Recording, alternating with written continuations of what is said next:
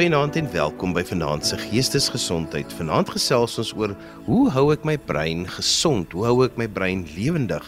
Of dalk baie mense sal sê, hoe hou ek my brein jonk? Ek wil vra, hoe hou 'n mens jou brein lewenskragtig en is daar iets wat jy daaraan kan doen?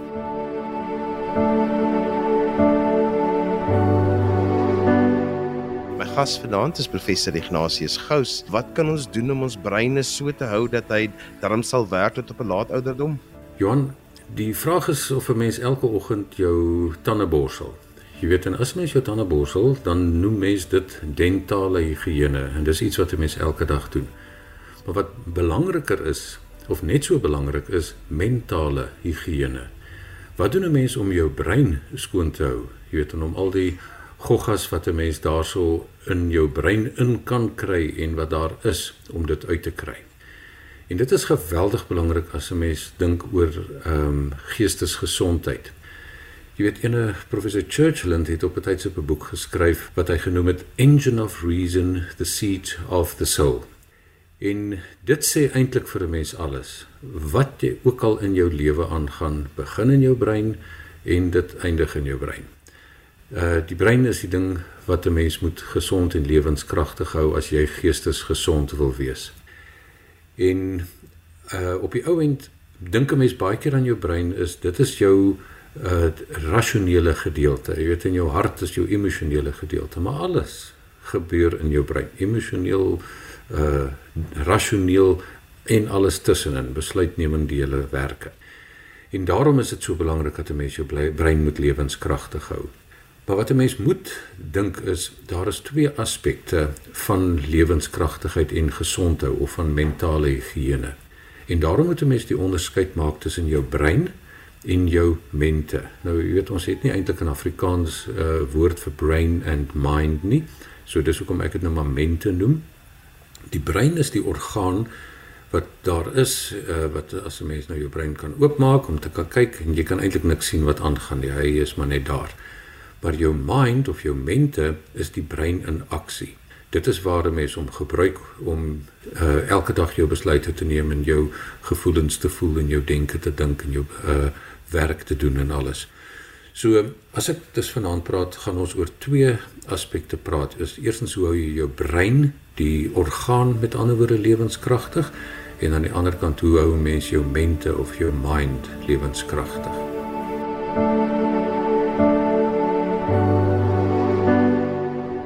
Nou deesdae enige iets wat 'n mens wil doen, uh, moet 'n ete mense pil. Uh weet as jy wil as jy hoofpyn het, dan drink jy 'n pil en as jy iets en verder in jou lyf het so. Die vraag is is daar iets vir pille? Want jy weet daar's ook mos 'n dingetjie wat sê daar is nie pille vir onnoosheid nie, maar tog wonder 'n mens of daar wel is. En dit bring ons terug by pille vir brein want tans is daar 'n multi-billion dollar of rand bedryf vir wat hulle noem slim pille of smart drugs. Die Engels praat hulle van nootropics. En die aansprake daaroor is dat dit 'n mens eintlik nogal kan wakker hou en dat jy meer gefokus kan wees. En dat as jy hierdie pille gebruik gaan jy 'n beter geheue hê. Of dan gaan jy sosiaal meer suksesvol wees. Of dat jy gaan minder angs hê En deesdae is daar ook nogal advertensies wat sê as jou kind 'n bietjie sukkel, drink hierdie pille en hy of sy gaan dan werklik 'n baie goeie student word. Kom ons luister gou na 'n insetsel oor Neotropics wat op ABC News uitgesaai is so ruk gelede. Now we've all heard of smartphones, smart cars, smart watches. What about smart pills? Bioengineered supplements with grand claims of boosting brain power and sharpening focus. But do they really work? Here's ABC's Chief Business, Economics, and Technology correspondent, Rebecca Jarvis. From late nights out to early morning meetings. Um, the black on black. 30 year old Erin Finnegan says this is the secret to her work hard, play hard lifestyle. I'm bi-coastal, so I'm a lot of times traveling. This is the only one that I take with me, though. Nootropics, also known as smart drugs, supplements some claim enhance brain function, helping to improve memory, focus, maybe even make you brilliant. Bradley Cooper went from zero to 100 in Limitless, but some saying it's not fiction, touting benefits from increased focus to mental stimulation. Scale of 1 to 10, how much smarter do you feel on nootropics? 10. Startups like Nutrabox, co-founded by 29-year-old Jeff Wu, are helping to rebrand smart drugs as part of the multi-billion dollar supplement industry. If there's one really smart person in the world, great, we have another Einstein. Um, but if everyone was super smart, there's like an exponential amount of innovation going on. But as these supplements become more mainstream, some doctors are questioning whether the claims are too good to be true. What are some of the concerns about nootropics?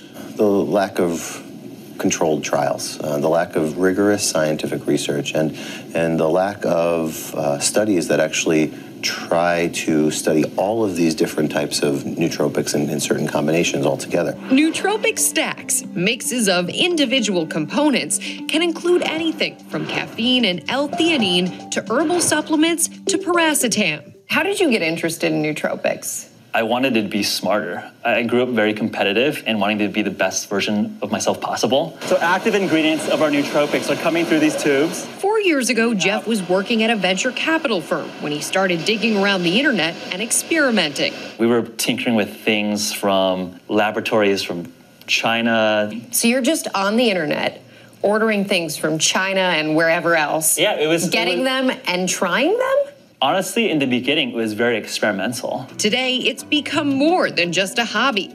Business is booming. Plus, he's caught the attention and financial backing of top Silicon Valley titans. Inside this tightly controlled lab, his team is pumping out thousands of these little pills every day. So, how many different pills are you making here?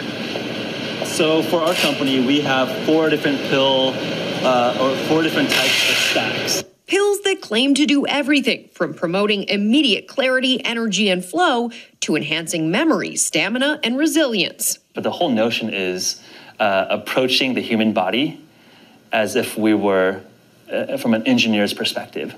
So, optimizing shortcuts to being better, uh, more productive versions of ourselves. You wanted to be a better human? I think we all want to be better versions of ourselves.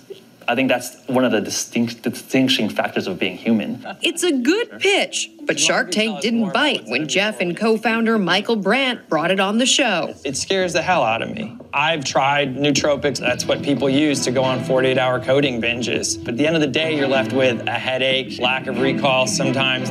I'm worried about the long term consequences, and so I'm out. Although they're said to alter brain function, nootropics are not labeled as a drug, but as a type of dietary supplement, meaning they don't need FDA approval. Nootropics are not FDA approved. Everything that we do use is FDA generally regarded as safe, which is the highest level of safety that the FDA gives for all things that one can consume. Does it ever concern you that the mixture of these things could make them unsafe? No, because that's where our science team, which consists of actually practicing doctors and MD PhDs, you know, walk through that and actually validate any uh, cross indications. But despite this confidence, some caution nootropics could have side effects, many citing the lack of studies about long term impacts. There are also interaction. There may be one of the many ingredients on there that may interact with your blood pressure medicines or it may interact with something else. So that's why we always recommend uh, discussion and approval by the treating physician. It's not just the tech world clamoring for these little life optimizers.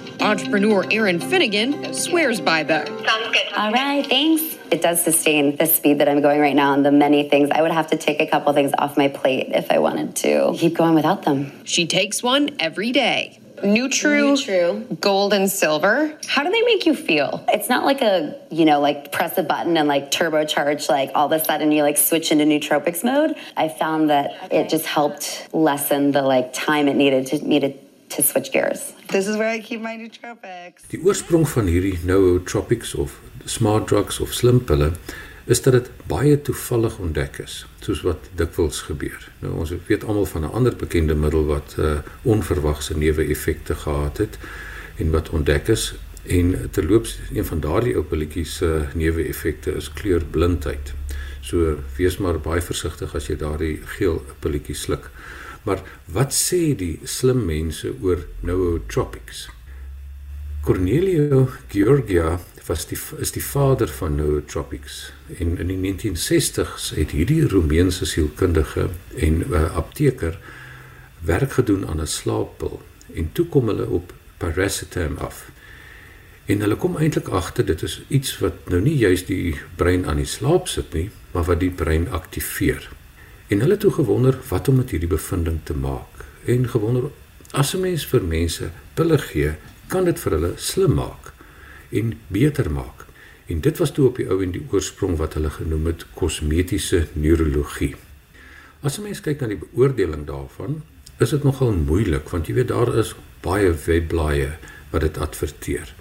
En daar is ook baie navorsing bekend gemaak, maar dit is gewoonlik navorsing wat deur hierdie mense wat die uh pille bemark self gedoen is en aanbied. En daardie navorsing sê jong hierdie pilletjies werk wondere. Maar ene Kobe en kollegas het in 2010 navorsing gedoen en hulle het uh wat ons noem 'n randomized double-blind placebo-controlled studie gedoen oor al of baie van hierdie tipe van nootropics of slimpille. En dit ge, uh, beteken gewoon dit is 'n geloofwaardige studie waarvan die resultate nie gekook kan word nie. En hulle het baie interessante bevindinge gehad. Die bevindinge van hulle studie is dat meeste van hierdie tipe, tipe middels geen noemenswaardige verskil gemaak het nie. Wat hulle ook agtergekom het is dat die placebo-middels, met ander woorde, dit is die middels wat glad nie van hierdie aktiewe bestanddele in het nie en wat eintlik net maar 'n suikerpilletjie is, dat dit dikwels 'n groter verskil gemaak het as die werklike middels wat getoets is. En dit is op die ou end dus meer 'n mens se verwagting dat ek iets hier uit gaan kry of ek daarby gaan baat as dat dit die middel self is wat vir jou help. Dit daar is aanduidings dat as daar breinskade is of dat daar sekere wanbalanse in jou brein is dat pille wel kan help. Maar die tipe van dinge waaroor ons vandag praat wat vir jou moet slimmer maak en beter laat onthou en beter laat funksioneer. Uh met ander woorde vir mense wat normaal funksioneer, wat dit net beter wil maak, is dat dit hulle denke en vermoëns nie regtig verbeter nie. Daar is wel 'n paar dinge wat uitgewys is dat dit wel werk, maar dit is op die ou end baie meer natuurlike dinge wat jy kan inneem. Uh en as ons dus praat oor die eet, is die mediterrane dieet werklik baie goed en donker sjokolade is 'n uh, goeie nuus dat dit goed is en eiers is 'n baie goeie iets wat jy gewoon kan eet. Maar op die ou end het hulle gesê die een ding wat werklik 'n verskil maak is 137 trimethylxanthine. Nou as jy nou wonder wat dit is, uh as jy op die rakke gaan kyk, gaan jy dit in kafeïne en in groentee kry. En dit is op die ou end iets wat werklik vir jou help, sê die navorsing. So as jy nou weer dink oor jou koppe koppie boeretroos, kan jy dit eintlik ons boeretropiese drankie begin noem. So as jy regtig iets nodig het, soos 'n pil om jou beter te laat doen, los die pille en drink sommer net 'n koppie koffie. Uh, iets anders wat 'n mens kan doen om jou brein, die orgaan besig te hou en beter te maak, is oefening. En nou die Grieke het lankal gesê gesonde gees word gehuisves in 'n gesonde liggaam. En dit is baie waar. Want ons het eintlik begin as mense as jagter-versamelaars, met ander woorde mense wat beweeg. En die ouens wat beweeg het, het oorleef. Nou die vraag is is dit regtig nodig vir ons om te beweeg en help dit regtig die brein as 'n mens aktief is en oefen? En hier kom daar nou inligting wat gedoen is deur John Ratty, 'n Harvard psigiater. Hy het navorsing gedoen en hy het op iets afgekom wat hy noem BDNF of the brain derived neurotrophic factor. En dit is 'n proteïen wat die funksie het om die bestaande breinselle gesond te hou en om die groei van nuwe breinselle te stimuleer veral in die dele wat belangrik is vir leer, geheue en ons hoër denkfunksies, naamlik ons hippocampus, ons corpus callosum, uh, corpus callosum en die basale voorbrein. Maar dit gaan ook verder daaroor dat dit in vir ons help met die retina en ons motorneurons in ons spiere, in speeksel en die prostaat wat eintlik maar dit gaan oor ons hele lyf. So hierdie BDNF of the brain derived neurotrophic factor is baie belangrik vir breingesondheid, vir geheue, vir kognisie, met ander woorde denke en ons gemoed. Vir breingesondheid gaan dit daaroor dat dit help met die groei van selle en die onderhouding van selle. En dit is dinge wat ons noem neurogenese of neuroplastisiteit en dit gaan ook oor sinaptogenese en dendritogenese. En dit sê nou maar eintlik net alles die genese gedeelte sê daarvan. Dit is 'n uh, nuwe groei en dit gaan dus vir jou om jou neurons, jou sinapses en jou dendriete aan die gesond te hou en aan die groei te hou. En dit gee dus op die ouend vir ons neuroplastisiteit wat maak dat ons brein uh iets is wat veerkragtig is wat met ander woorde groei en wat op die ou end vir 'n mens nuwe dinge uh kan help doen. Wat geheue aan betref, help dit dus vir daardie gedeeltes wat gaan oor langtermyn geheue en veral die deklaratiewe en ruimtelike geheue. Nou deklaratiewe geheue is die tipe van dinge wat vir 'n mens sê ek help dit om te onthou. Jy weet, I can declare, ek kan sê dis die dinge wat ek weet en wat ek kan onthou en wat ek mee uh, kan uh, werk. Ruimtelike geheue is op die ouend ook uh, heeltemal verstaanbaar want onthou toe ons nog jagter-versamelaars was, was die ouens wat van hulle blyplek tot by hulle jagplek en terug kon kom, die mense wat hulle gene kon propageer, maar die mense wat op pad verdwaal het, teen teen gehelp om die jagters wat uh, die diere was om hulle gene te propageer. So ruimtelike geheue is 'n geweldige sterk en 'n baie belangrike geheue en dit word ook deur beweging ondersteun. Wat kognisie of denke betref, uh, word dit ook deur BDNF on, ondersteun want hoe vinniger jou prosesseringsspoed is of jou kognitiewe plooibaarheid met ander woorde hoe jy tussen denke en uh idees kan beweeg uh hoe jy met ander woorde dinge wat uh, nie noodwendig met mekaar saamhang nie met mekaar in verband kan bring en op die op, op die ou en dus kreatiewe dinge na vore kan bring. Dit is alles dinge wat gehelp word deur BNF. BDNF en op die ou end gaan dit ook oor impulsbeheer dat ek kan besluit en fokus en dat ek met ander woorde kan uh, kyk na die dinge wat belangrik is en die dinge wat my aandag aftrek kan uitfaseer of uitskakel op die oomblik wanneer dit nie nodig is nie. Dit is alles goeters wat in ons kognisie aangaan en wat deur BDNF ondersteun word. Wat die mense gemoed betref is BDNF eintlik 'n antidepressant. En dit is hoekom as mense depressief is en hulle begin oefen dit werklik help amper beter as of net so goed soos van die middele wat hulle kan gebruik. Hulle noem dit dus 'n euforant. En op daai uh, dit help dus ook op die ouend vir 'n mens se selfbeeld want jy weet as jy oefen en jy kan sê ek stap en ek gaan aan die gang, ek is aan die gang, dan voel 'n mens ook beter oor jouself. En hoe beter jy oor jou eie liggaam voel, hoe beter voel jy dat jy jouself kan handhaaf in die wêreld. En hierdie deel van 'n brein, van 'n mens se brein, is iets wat 'n mens dus baie gemaklik self kan skep deur net te beweeg. Nou as 'n mens dink aan ons as volwassenes en oefening, is dit is dit eintlik maar 'n feit dat ons 'n bietjie bewegingsgedepriveerd is. Dit sê maar net ons sit te veel en ons doen te min. En dit is hoekom ons op die ouend iets moet doen om net minder sedentêr en uh minder onaktief te wees.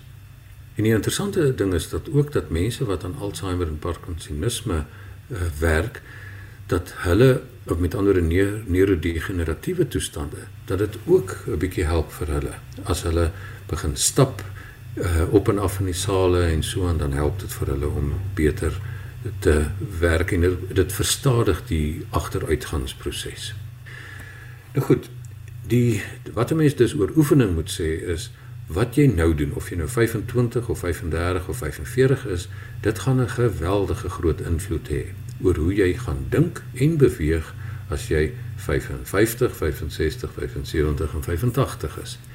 So ons moet nou al ietsie begin doen. En dit is nie dat 'n mens nou hierdie geweldige atleet moet word en ongelooflike sterk oefeninge moet doen nie. Jy kan met doodgewone oefeninge soos net om te stap of om te swem. Swem is blykbaar vir 'n mens se brein van die beste oefeninge wat 'n mens kan doen. Maar 'n gewone stap of 'n uh, bietjie erger oefening met fietsse of die uh uh oefeninge in 'n gym is iets wat regtig vir 'n mens kan help want hulle het gesê as jy 2 weke onaktief is, dan begin jou BDNF al onmiddellik afneem. Maar aan die ander kant is daar herstel na net 2 dae van oefening. En dit is dus binne ons bereik om aktief te wees en dit kan ons help om hierdie breingroei stof in ons brein af te skei en om ons orgaan eh, gewet veerkragtig te hou.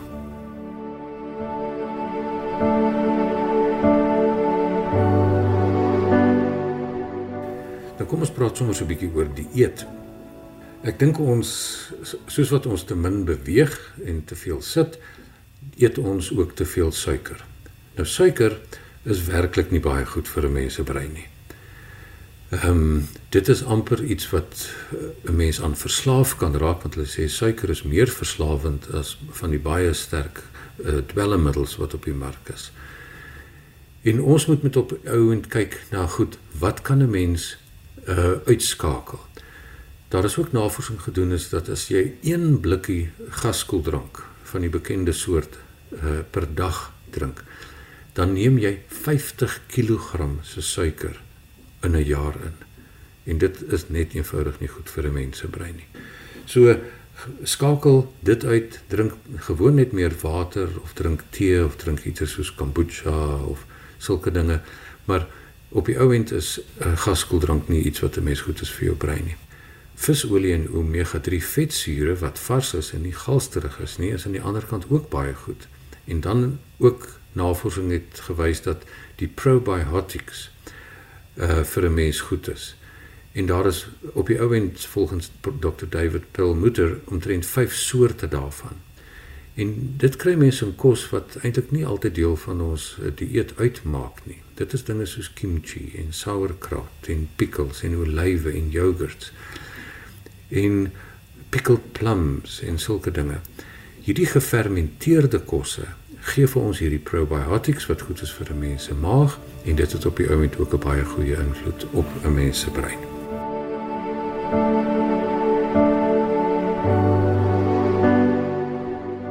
Die laaste ding wat ek wil oor praat as met mense oor die orgaan predink en wat mense hoe jy die orgaan van die brein lewenskragtig kan hou is slaap. Die groot vraag is hoe lank moet 'n mens slaap? Nou as 'n mens jonk en kinders is, dan beteken dit uh, hier by 9 ure is 'n baie goeie tyd om te doen. Ons almal dink 8 ure is 'n goeie tyd om te slaap, maar die nuutste navorsing sê dat mense wat meer na die ouer kant toe staan, dat 7 uur 'n baie goeie tyd is om te slaap. As 'n mens te min slaap op die ou end, dan beteken dit die gifstowwe in jou brein word nie afgewerk en uitgeskei nie, maar as 'n mens te veel slaap, is dit net so skadelik en dit is eintlik soms 'n aanduiding dat 'n mens begin aan breindegeneratiewe toestande ly. So kry 'n tyd wat jy in die aand aan die slaap raak wat altyd dieselfde is en probeer om altyd op dieselfde tyd min of meer wakker te word as jy kan slaap in 'n donker vertrek wat stil is uh sonder om blou lig uh van 'n foon uh te uh, gebruik net voordat jy aan die slaap raak. Met ander woorde, as jy wil lees, ehm um, lees jou boodskappe en daarna vat jy 'n boek en jy lees en daarna gaan 'n mens aan die slaap raak. So begin op dieselfde tyd, eindig op dieselfde tyd en sorg dat daar tussenin goeie slaap is. Onthou ook dat 'n mens in slaapsiklusse van ongeveer 90 minute ehm um, slaap en probeer dus ook jou slaap wakker word ehm um, so te beplan dat dit nie in die middel van so 'n siklus is wanneer jy in jou diep diep diep slaap is nie. Dit is dan wanneer 'n mens slaap en dat dit nie op uh, dat 'n mens voel of uh, 'n mens regtig deur 'n trein getrap is of 'n bus raak gery is en dat 'n mens nie lekker wakker word nie. Probeer om aan die einde van 'n 90 minute uh, aan die wakker te raak en dan uh, voel 'n mens op die ou end baie beter. So hierdie is alles dinge wat 'n mens kan doen om die orgaan lewenskragtig en gesond te hou. Nou hoe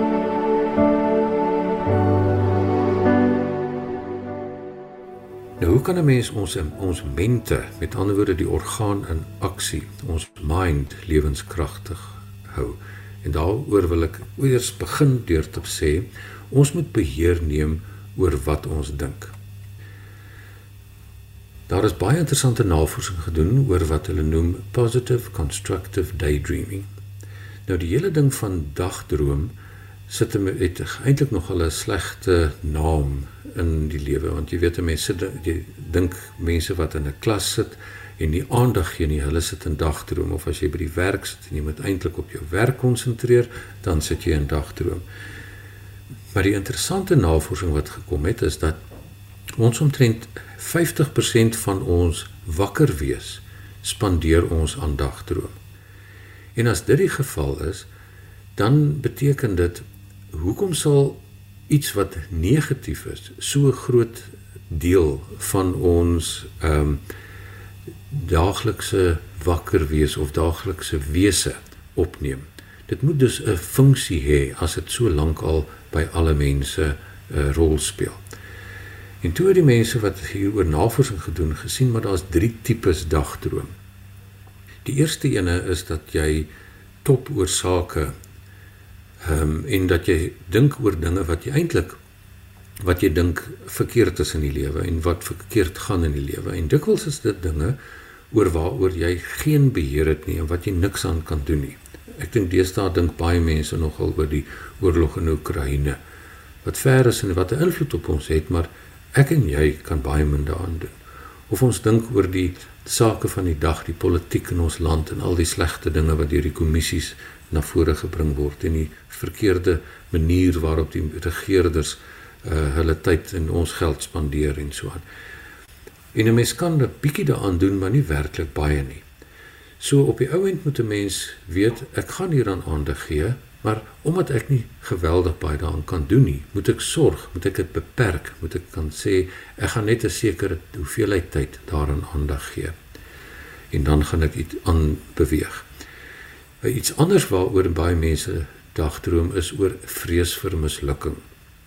Hulle voel ehm um, ek moet sekere dinge doen. Ek voel nie noodwendig opgewasse daarvoor nie of ek is het in die verlede ek nie so goed gevaar nie.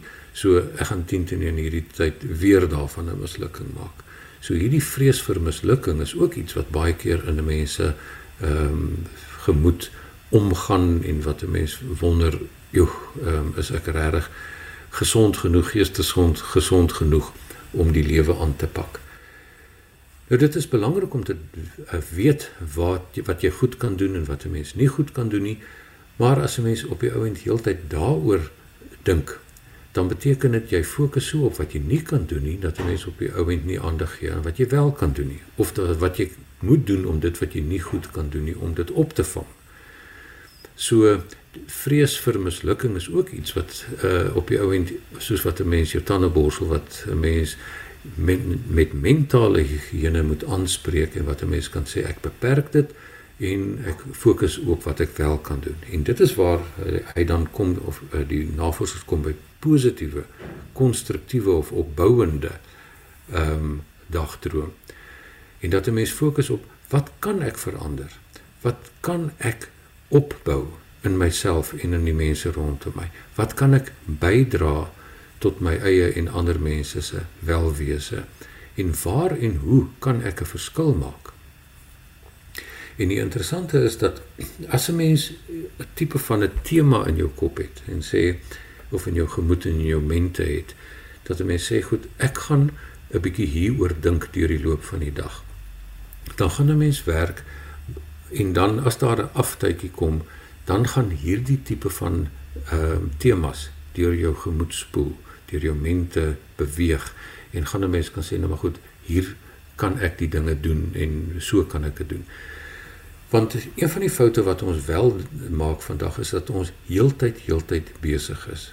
Daar is nooit 'n tydjie wat 'n mens nie iets na kyk of lees nie, want jy weet as 'n mens nie meer werk nie, dan sit jy gou op jou foon en kyk en jy lees sosiale media of jy lees die nuus.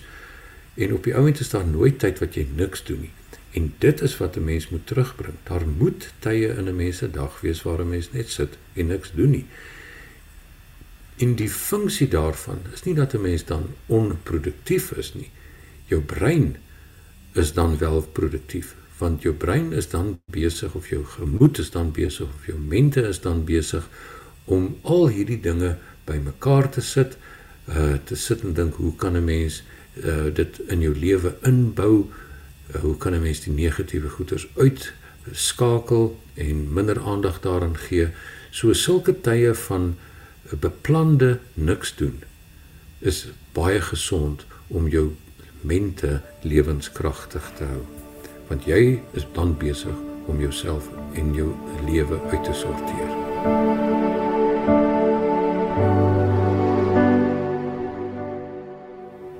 Iets wat 'n mens ook nou moet dink is hoe kan 'n mens jou brein tot op 'n hoë ouderdom uh goed hou en aan die gang hou. En dit gaan oor stimulering. So wat kan ek doen om myself en my mente te stimuleer? Nou daar's hierdie wonderlike storie wat altyd vertel word onder neurowetenskaplikes van 'n navorser wat twee rotte gevat het en in 'n laboratorium gesit het. En in die een rot se boksie was daar baie min stimulasie. Dit was maar net vierkantig en met niks nie en daar was net kos. In die ander rot se boksie was daar allerlei wonderlike wielietjies en hy kon daarop hardloop en hy kon me goed speel en hy moet deur doel of of doelhowe gestap het om so op die ou en nuwe paadjies te leer ken. Nou na rukkie maak hulle soos ongelukkig hulle net maar moet doen die rotte dood en hulle kyk toe na die twee breintjies en hulle sien toe dat daar in die rot wat in die leeboksie was basies breinafwykings was. Niks het regtig gewerk nie en uh, dat dit eintlik 'n baie arm brein was. Maar in die brein van die rot wat in die uh, boksie was waar daar allerlei interessante dinge was, daar het hulle gesien daar was baie ehm um, tipe van verbindings deur tussen areas in die brein en dit was 'n baie ryk brein. En toe het hulle gesê nou maar goed, ons moet ons eie lewe eintlik verryk. Maar wat 'n uh, ander slim navorser te doen toe sê nou maar goed, dit is baie interessant, maar kom ons kyk hoe lyk 'n rot wat gewoon in die veld uh op 'n gewone manier leef. En toe kom hulle agter daardie rot se brein was nie minder ontwikkel as die een wat in die gesonde of die uh, boksie was met baie stimulasie nie. So op die ou end gaan dit nie oor stimulasie nie. Mens moet wel kyk na gebrek aan stimulasie. En dit is wanneer 'n mens met ander woorde leef en as mense dit nou oor wil dra op mense, is dat gebrek aan stimulasie is die ding wat op die ou end 'n probleem is. As jy dus op 'n tydstip iets geleer het en nou voel jy is redelik uh goed daarmee en jy so dan raak 'n mens eintlik op 'n plateau en jy leer nie nuwe ding nie. En dit is dan wanneer 'n mens se brein begin agteruit gaan. En dit is op die ou end wat 'n mens moet sê is jy moenie dink ek gaan nou leer en dan as ek op 'n sekere tyd kom, nou weet ek genoeg en dan gaan sit jy nie. En dit is wat baie mense doen as hulle sê nou maar uh op die redelik goed vaar in hulle werk dat hulle eintlik net so aangaan of as hulle veral as hulle aftree dan begin hulle sit en hulle begin niks doen nie. En dit is baie sleg vir 'n mens se brein en dan gaan jou brein op die ou end agteruit. En hierdie tipe van navorsing is toe nou ook ehm uh, bevestig deur uh, navorsers in Kanada wat oor meertaligheid gewerk het. Hulle het vir mense gevra wat hier tussen 65 en 75 was wat gevoel het om uh, dat hulle uh, op die oomblik nog baie goed funksioneer, dat hulle op en wakker is, dat hulle nie agteruit gaan nie om uh, na hierdie navorsingsgespan toe te kom vir toetsing. En hulle het toe nou op die oomblik gaan kyk na hoe lyk hierdie mense se breine. Hulle het uh, fMRI's en allerlei toetse laat doen om te kyk hoe uh die breine funksioneer en uh gesorg dat al die mense uh, min of meer op dieselfde vlak is. En toe kom hulle agter dat uh een van die dinge wat hulle na gekyk het is na meertaligheid. En wat interessant was is dit hulle toe nou agtergekom mense wat tweetalig of meertalig was. Baie van hulle se breine of van hulle breine het eintlik nogal redelike skade gehad. En dit het vir hulle nogal gelaat wonder, het nou hoe is dit die geval? Hoe is die mense wat eentalig is, se breine het minder skade en mense wat dieselfde ouderdom is, uh se breine lyk asof hulle meer skade het. En op die oomblik het dit agtergekom is omdat hulle gevra het dat mense wat goed funksioneer uh na hulle toe kom het almal min of meer op die wat op dieselfde vlak gefunksioneer het daarna toe gekom. Maar die mense wat meertalig was, maar wat meer breinskade het, se skade daar is opgemaak daarvoor deur hulle stimulering deurdat hulle meer of as een taal leer of bly besig het. Dit sê dus dat as jy jou brein stimuleer en daar is natuurlike agteruitgang as gevolg van uh, verskillende dinge, degenerasie of siekte of wat ook al, dan kan dit jy daarvoor opmaak deur heeltyd jou brein te stimuleer. Dit is dus nie die tweetaligheid wat die uh, skade veroorsaak het nie. Dit die feit dat daar skade was is vooropgemaak deur uh, meertaligheid en of om iets anders te leer. Dit beteken dus jy moet nooit gaan sit en eenvoudig net sê nou maar goed nou weet ek genoeg of nou is ek tevrede nie. Jy moet die hele tyd sê nou wat kan ek nou nuut leer? En dit kan wees deur 'n nuwe vaardigheid aan te leer, deur uh, 'n nuwe stokperdjie te begin, deur wel 'n ander taal aan te leer, deur te begin musiek neem uh op 'n uh, hoë ouderdom of op 'n uh, gevorderde ouderdom. So jy moet heeltyd kyk, wat is daar wat ek kan doen wat binne my bereik is wat ek nuut kan doen om my brein heeltyd of my mente heeltyd aan die gang te hou en aktief te hou. En as 'n mens dit doen, dan op die ou end kom jy by lewenskragtigheid aan. Dit gaan maar op die ou end dus oor use it or lose it. As jy dit jou brein nie gebruik nie, dan gaan hy atrofieer of agteruitgang, presies soos wanneer jy gaan sit wanneer jou spiere swakker word.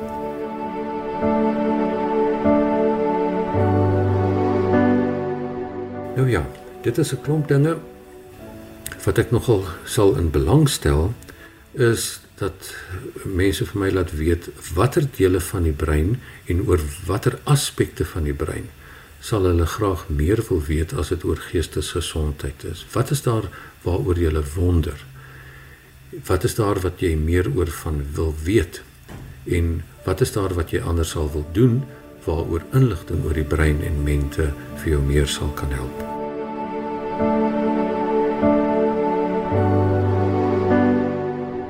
So dit is as 'n mens praat oor die brein en geestesgesondheid, dan se kan opsom, 'n mens moet dink aan die brein, die orgaan, wat kan 'n mens daar doen? En mens moet dink aan die mente of die orgaan in werking, die mind, wat 'n mens daar kan doen.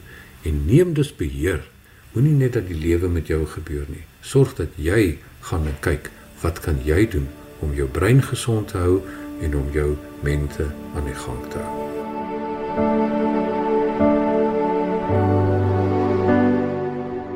Ignatius, as mense met jou per WhatsApp verder wil gesels, hoe kan hulle dit doen? Hulle kan gerus vir my 'n WhatsApp boodskap stuur op 083 459 1902 en soos ek gesê het, hulle kan baie gerus vir my laat weet wat is dit wat hulle meer in sal belangstel. 083 459 1902 en hulle kan sommer vir my laat weet Wat is dit waaroor hulle meer inligting in terme van die brein en die brein in aksie die mente sal wil weet?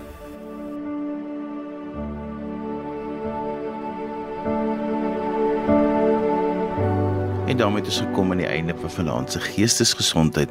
Onthou jy kan weer na vanaand se program luister as 'n potgooi. Laai dit af by resgep.co.za. Skryf gerus vir my 'n e e-pos by Johanvanlull@gmail.com en onthou daai Johan het net een N. En daarmee groet ek dan vir vanaand. Kyk mooi na jouself. Tot volgende keer van my Johan van Lill. Totsiens. thank you